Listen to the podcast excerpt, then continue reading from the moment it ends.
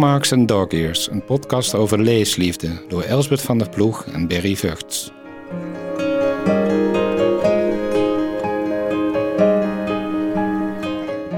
Vandaag is onze gast Abdesamat Bouabit, universitair docent criminologie.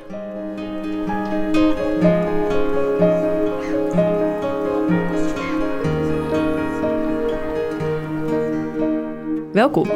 Dankjewel. Waar doe jij het het liefst? Ehm, thuis op de bank of eh, eh, in bed, vlak voor het slapen.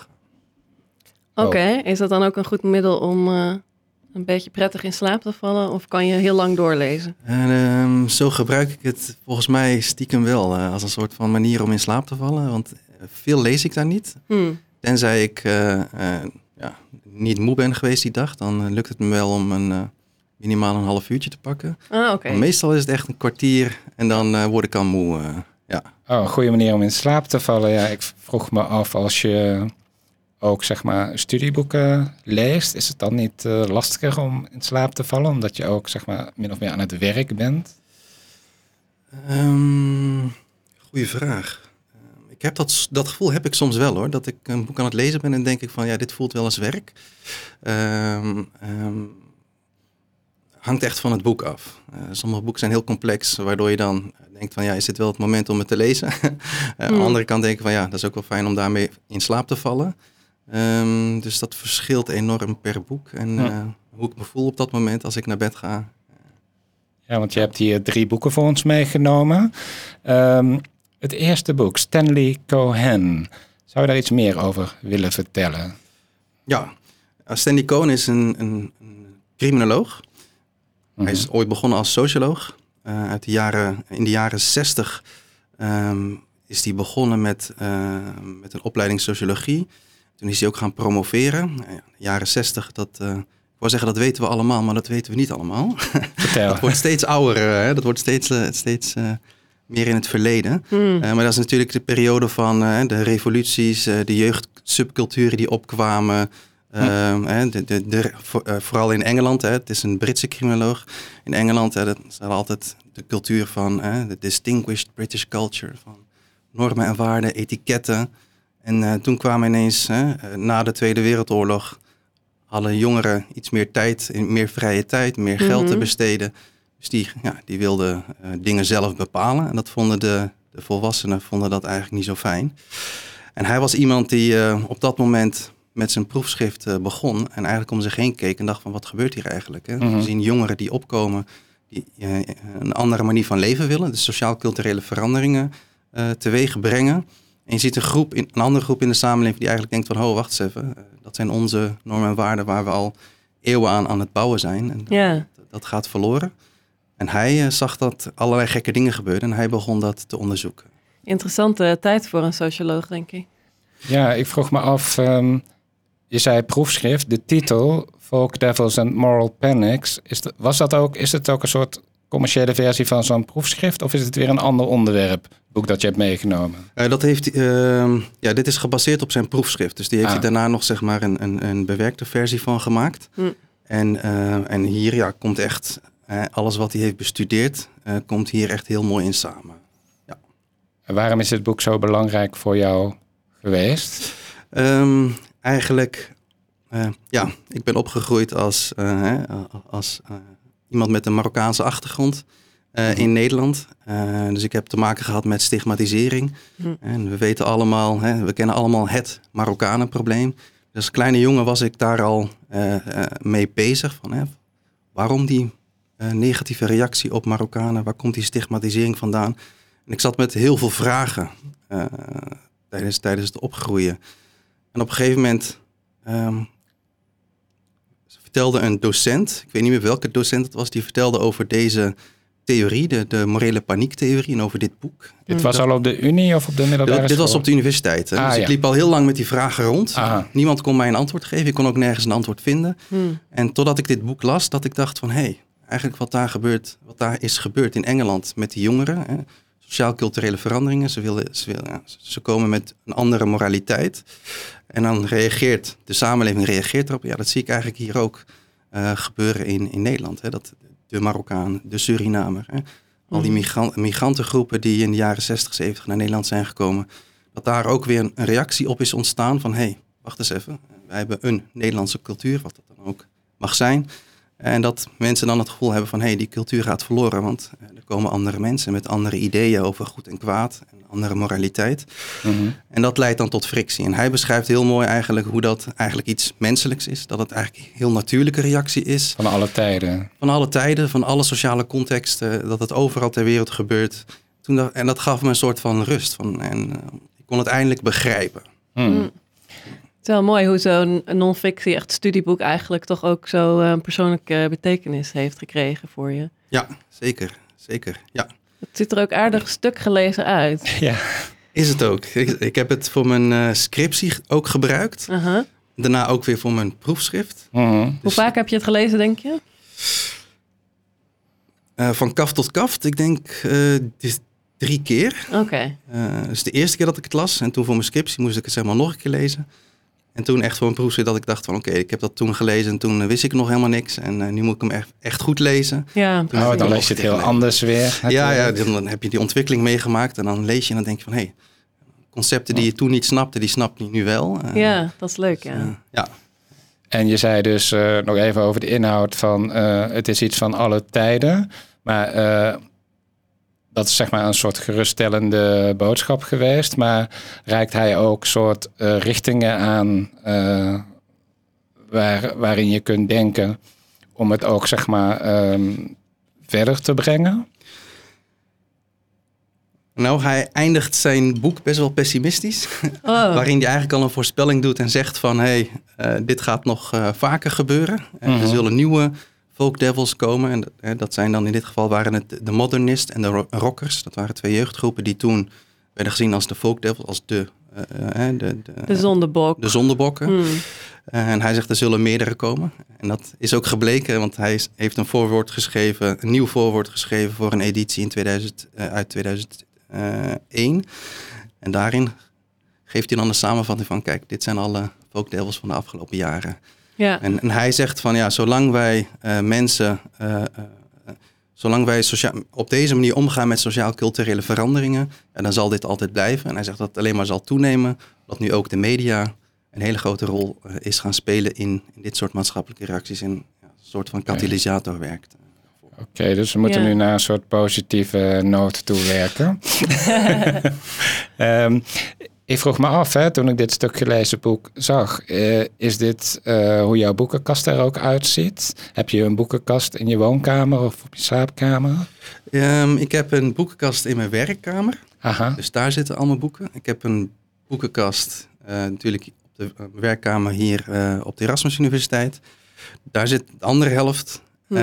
En ik heb de, mijn kledingkast ligt altijd een stapel met boeken. Die liggen dan normaal naast mijn bed. Maar mijn vrouw die gooit ze dan altijd in mijn boekenkast. Zo van, die moet je opruimen. dus die liggen dan ook zo tussen de kleren altijd. Tussen eh. de schone sokken. Juist, precies. Ja. En dat zijn de boeken die ik dan eh, voor het slapen ga lezen. Eh, oh, nou, ik denk niet dat we dit nog met een andere gast Nee, gaan dat is ook heel leuk. het Heel leuk. Ja. in de kledingkast. Ja. Dat is helemaal nieuw. Ehm, ik moet even van bijkomen. Dat vind ik wel een hele goeie. Maar ehm, dus zit er ook fictie tussen? Want we gaan zo naar jouw tweede boek. En dat is ook non-fictie. Ja. Lees je ook fictie of Eigenlijk helemaal niet. eh, niet of niet meer? Niet meer. Ja, want vroeger, ja, vroeger eh, ben ik begonnen met lezen en las ik alleen maar, eh, alleen maar fictie. Oh ja? Ehm, ik moet zeggen, ehm, ik ben ook opgegroeid in een huis waar boeken eigenlijk, waar Nederlandse boeken, Nederlandstalige boeken eigenlijk er niet waren. Hm. Eh, mijn, Mhm. mijn moeder is analfabeet, dus die, die kon niet lezen, nog steeds niet. Hm. Maar mijn vader die ehm, las heel veel boeken, alleen Arabische boeken. Dus die had echt een gigantische boekenkast met vol, echt vol met Arabisch-talige boeken. Mhm. Maar ja, die kon ik niet lezen. Hey. Dus, eh, dus maar gelukkig kwam de biepbus. eh, Ja. die kwam Ah, de. Ja, dat is echt een geweldig concept. De Ja. Waarom ze dat nu weg hebben gedaan. Ja. Maar die kwam altijd op de hoek van de straat en daar liep ik dan een keer naar binnen. En toen begon ik echt, eh, ja, begon, ik begon eens met stripboeken. Ja. En toen Ja. kwamen echt de, de, de, de, de, de- de- ja, de andere boeken, vooral Lemniscaat. Daar ging ik, al, ging ik altijd naar op zoek. Aha. ja, ja.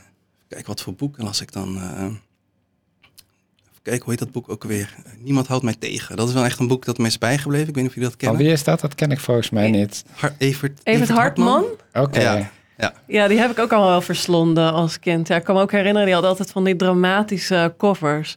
Was altijd, Ja, ja. altijd klopt. best wel dramatisch. Hè? Ja. Dat sprak je dan als kind natuurlijk heel erg aan. En dan, dan het logo, hè, die eh, acht, zo'n Ja, die soort van acht. acht, die zat dan aan de zijkant. Daar ging ik dan naar op zoek. ja. En, en ietsje Ja. later, zeg maar toen je met de literatuur, misschien middelbare school of zo in aanraking Ja, ik kwam. moet zeggen, Weet je nog? eh, middelbare school, wat ik me daarvan kan herinneren, is Nooit meer slapen. Dat boek, dat moest, want voor Nederlands moest je volgens mij Ja. zes boeken lezen. Vond Van ik- Hermans.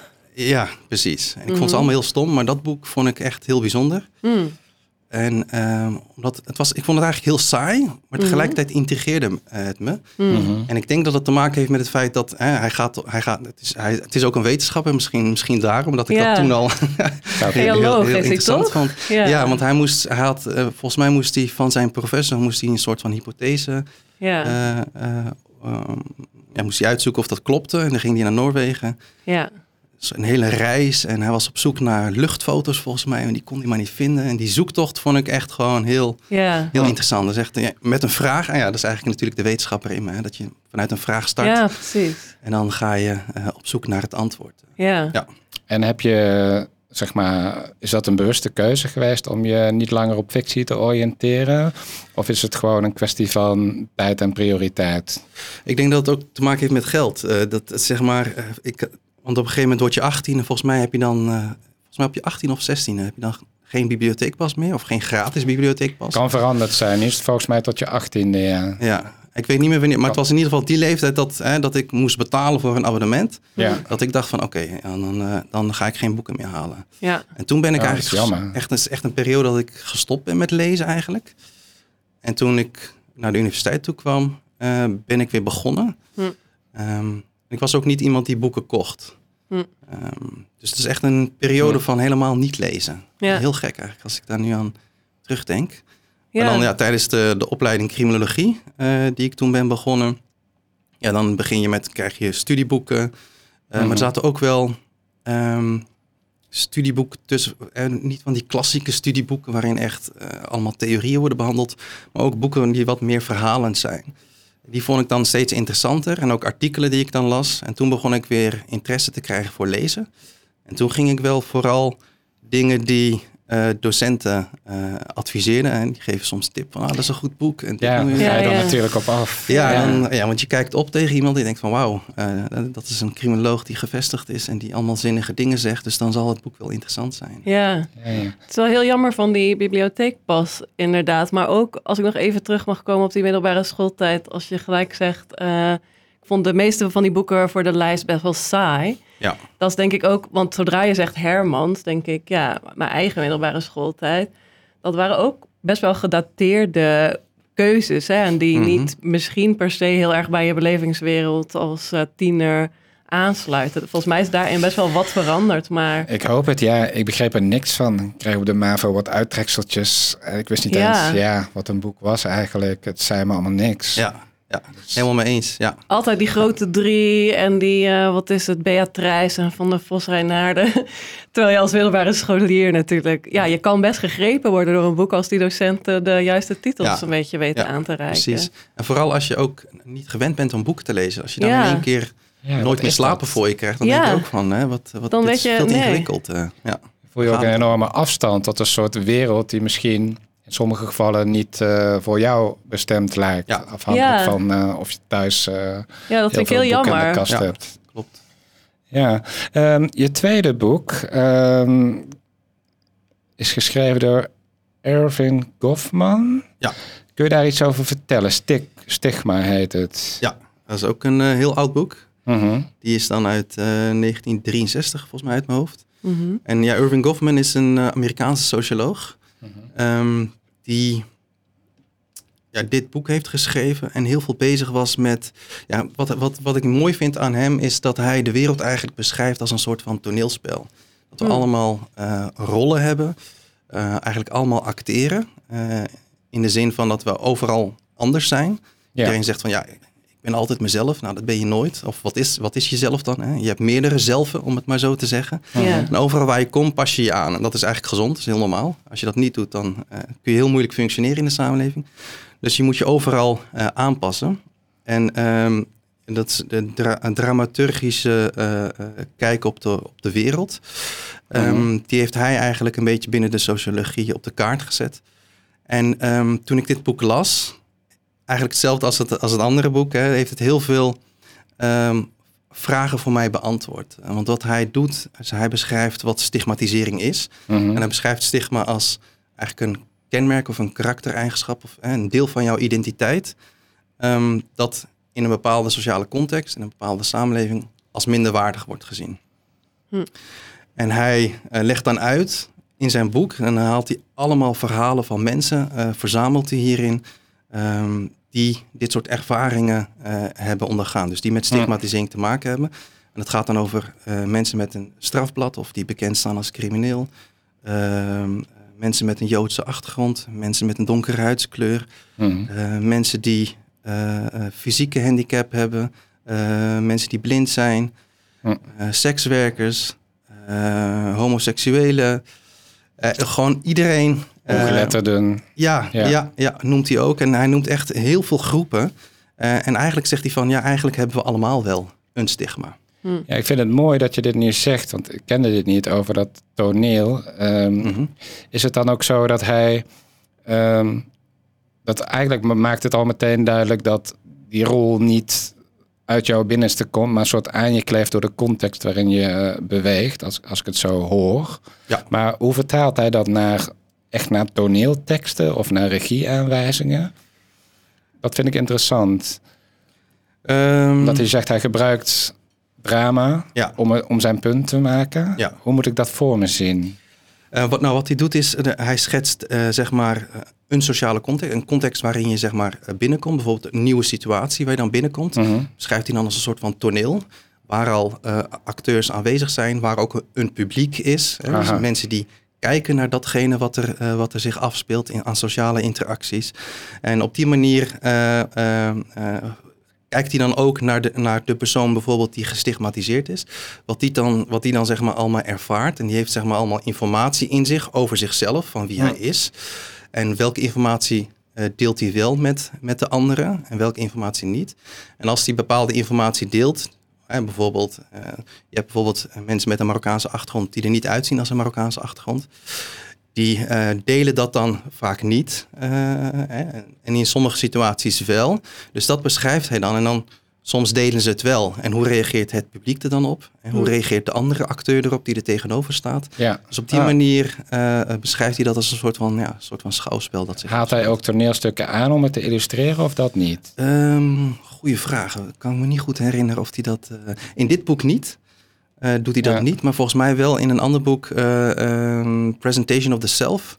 Ah. Daar gaat hij veel meer in op die dramaturgische kijk. Ja, meteen aan Camus ook met Les Just. Heel sterk eh, hieraan doet denken. En ehm, zou je misschien, want dat vragen we altijd aan onze gasten, een stukje willen voorlezen uit dit eh, boek? Ja, zeker. Het mooiste van dit boek vind ik echt de, ehm, de quotes van, van andere mensen die hij opschrijft. Dus Mhm. ik heb twee stukken gevonden eh, die ik graag zou willen voorlezen, die dat laten zien.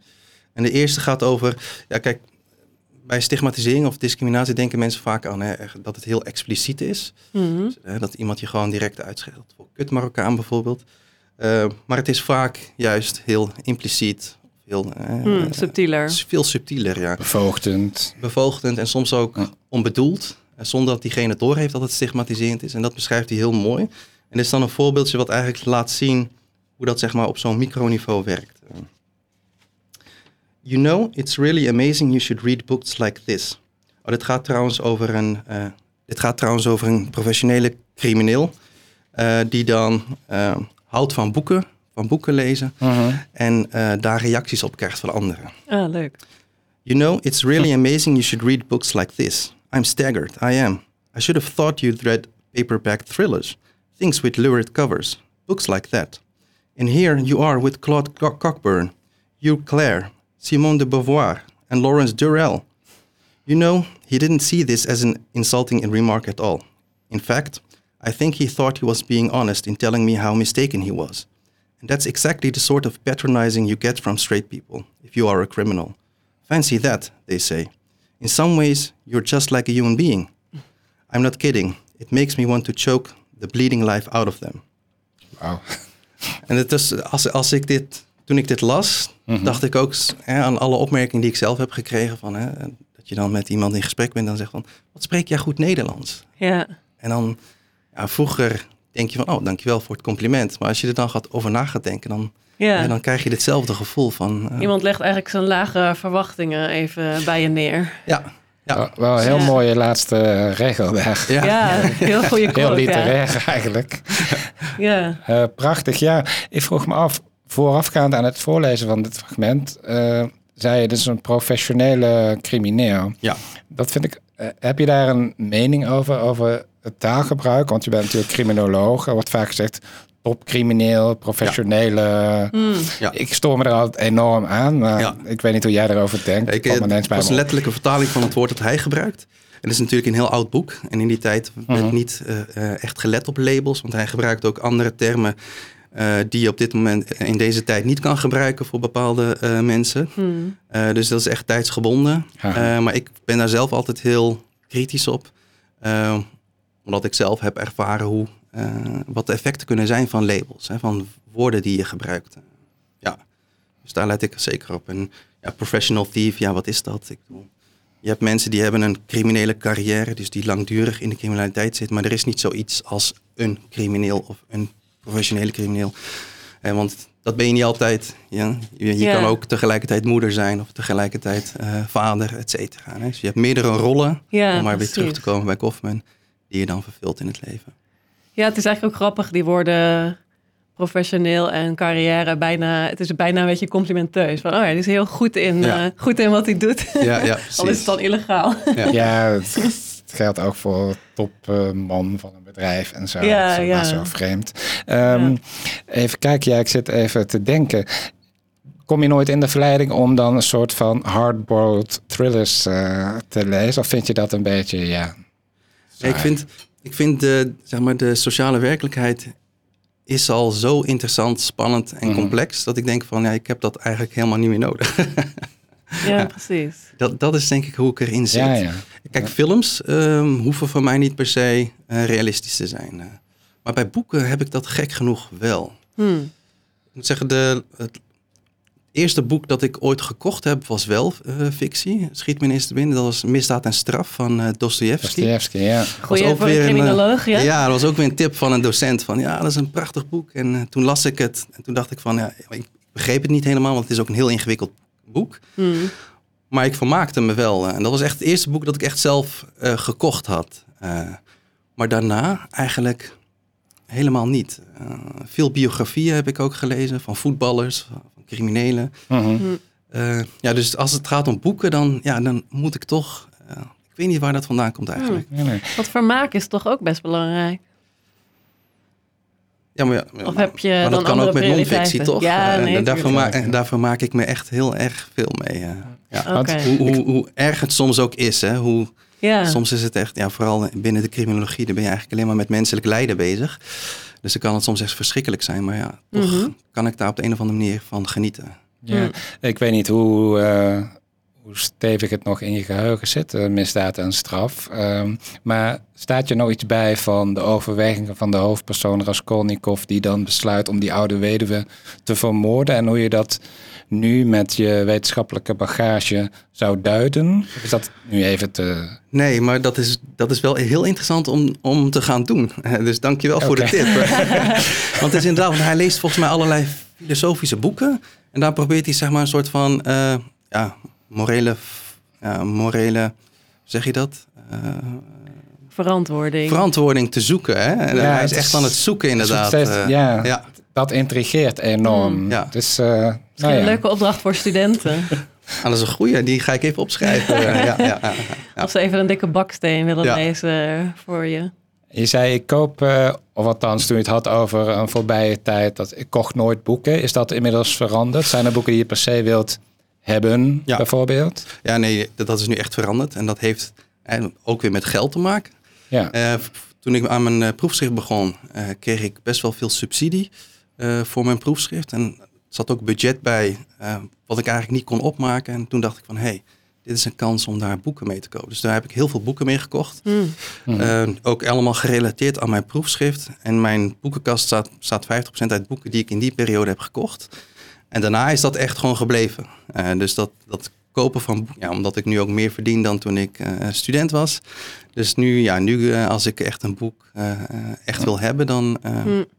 dan en koop je ook eh, tweedehands? Of, ja, ja, van Ja, ja. alles. Ja. want als zo eentje uit 63 is misschien, ja. Is die nog verkrijgbaar, weet je dat? Eh, die wel, ja. Dit zijn wel echt klassiekers, die, zie- die zijn wel te vinden. Eh, maar vaak niet hoor. Vaak kun je... eh, en of ze zijn echt verschrikkelijk duur. Dan zijn ze boven de 60, 70 euro. Oh, ze proberen het gewoon op internet. Ja. Dat ook, ja. Ja. Ja, Nee, nee, ik bedoel zeg maar de nieuwe versies. Hè? De, de nieuwe Oh. versies van sommige wetenschappelijke Ja. boeken zijn, zijn verschrikkelijk duur. Daar echt- moest ik ook gelijk aan denken, inderdaad. Ja, Ja. want ja, romans zijn al best wel duur. Vooral Nederlandstalige. Maar die non-fictie is vaak echt zeker twee keer zo duur. Ja, ja. ja.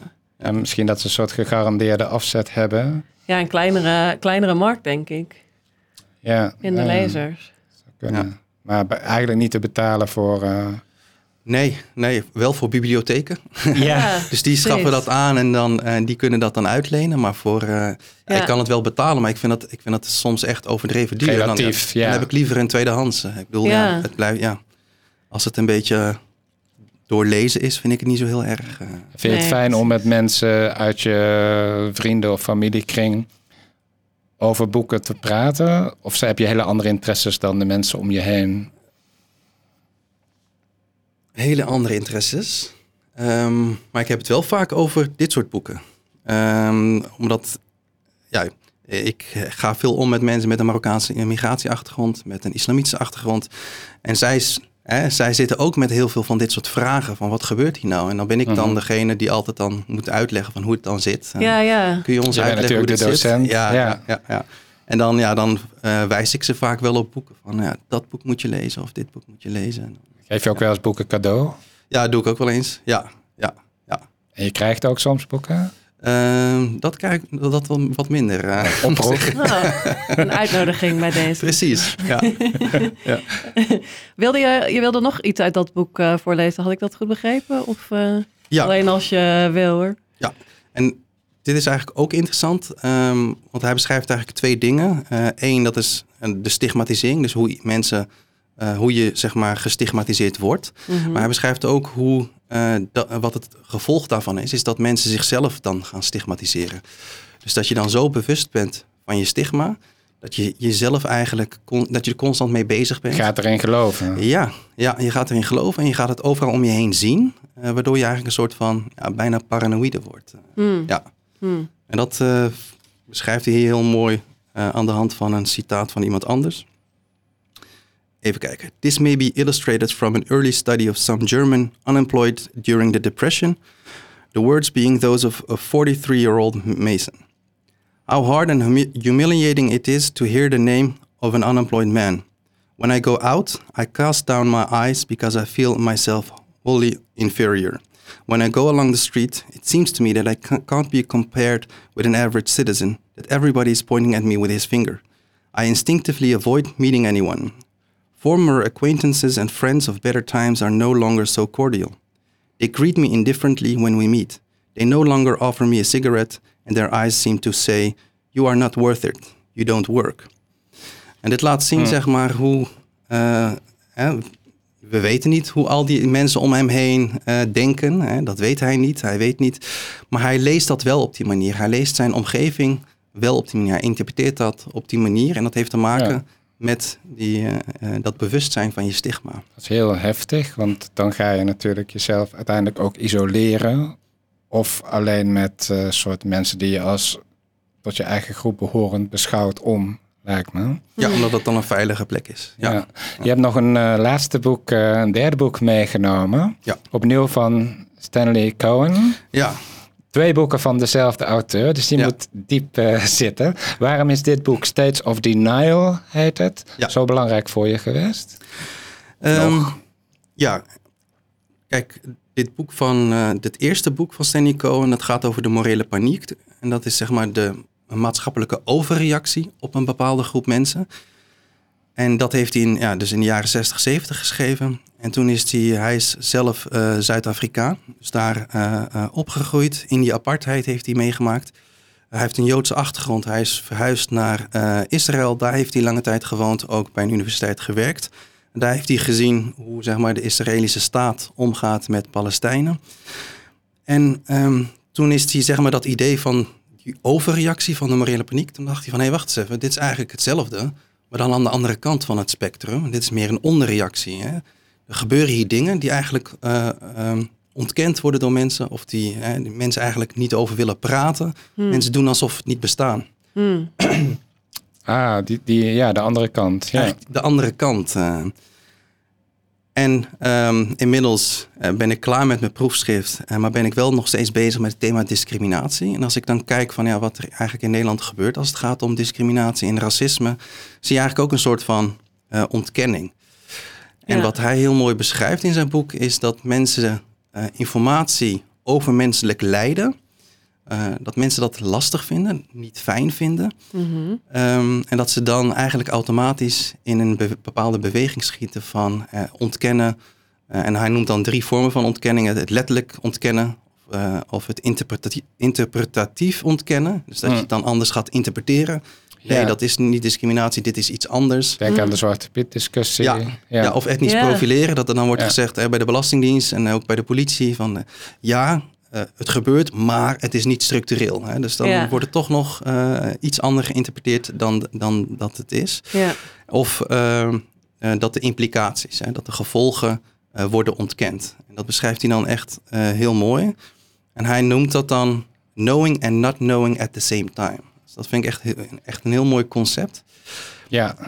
Um, om zeg maar toe te passen ja, op, op, op hoe we omgaan met, met discriminatie. Want dat is toch ja, het ontkennen van de gevolgen is dan een soort van reflex van als je maar je best doet, dan kom je er uh, sowieso wel. Moet ik dat zo lezen? Ja, precies. Dat is ja, dan ja. Een, een, soort van uh, een uh, ontkenningstactiek. Ja, waar dan... komt die hang naar zuiverheid zo vandaan, denk je? Om het zeg maar te ontkennen, weg te stoppen, anders te interpreteren? Ja, omdat, kijk, omdat als er wordt gezegd van hé, hey, er is sprake van discriminatie, dan denken mensen meteen al van oké, okay, dan ben ik dus een racist. Ja, mensen en... voelen zich snel persoonlijk aangevallen. Hè? Dat ja. zie je ook heel erg in die Zwarte Piet discussie altijd. Ja, zeker. En dat, die informatie van hé, hey, ik, ik ben een racist, dat, dat voelt niet fijn. En dat heeft te maken met menselijk lijden. Hè? Mensen die lijden onder stigmatisering. Mm. Dat wordt dan, en dan schieten mensen in een soort van ontkenningsreactie. Ja. Mm. En dat is heel, heel menselijk. Ja. Mensen gaan dan een soort van rationalisaties uh, bedenken of neutralisatietechnieken, van die, dat soort dingen die je net noemde. Hm. Bepaalde gedachten. Uh, en eigenlijk ook een mooie koppeling met, met uh, Dostoevsky. Dat, dat die persoon die zoekt eigenlijk ook naar rationaliseringen voor zijn gedrag. Dus die gaat eigenlijk ook allerlei dingen ontkennen. En die gaat het allemaal wegschuiven. Ja. En die gaat dan op een gegeven moment... Want dat heeft hij nodig om te komen tot die daad. Dus dan moet hij de, hè, die informatie die eigenlijk niet fijn is... die moet hij eigenlijk hij kwijt neutraliseren. morele zuiverheid bewaken. Ja. In stand houden. Ja. Maar dat kan alleen door het continu beter pakken. Ja, precies. Anders ontglipt het. Ja, ja. dat is heel interessant. Ja. Ja, het is echt interessant. En ik kan me voorstellen, inderdaad, dat je zo gegrepen wordt door deze boeken. Het is zo, uh, ja, je ziet gelijk alle voorbeelden al om je heen. Ja, mooi. Mooie keuzes. Uh, we willen je tot slot graag nog vragen of je nog een aanrader hebt voor onze luisteraars. Een titel waarvan je denkt, dit is nou echt een boek, naast natuurlijk de titels die al genoemd zijn, dat je echt moet lezen. Misdaad en straf van Dostoevsky. Hele goeie. Die, die, die, die sowieso. Ja. Uh, maar ik zat zelf ook te denken aan. Dat was eigenlijk het vierde boek dat ik dan. Uh, uh, Aha. Die ik in op de shortlist stond. Ja. ja. Ja, en dat is De Gedroomde Samenleving van Willem Schinkel. Ah ja. En wat Ah, ja. hij heel mooi doet is echt. Ja, dus voor de mensen die echt geïnteresseerd zijn in migratie, is dat echt een heel mooi boek. Waarin je eigenlijk een soort van diagnose geeft van wat er in Nederland misgaat. Ja, hele goede tip. Uh, dankjewel voor je uh, aanbevelingen en voor je deelname aan dit gesprek. Dankjewel voor je komst. Graag gedaan. Dankjewel voor het luisteren.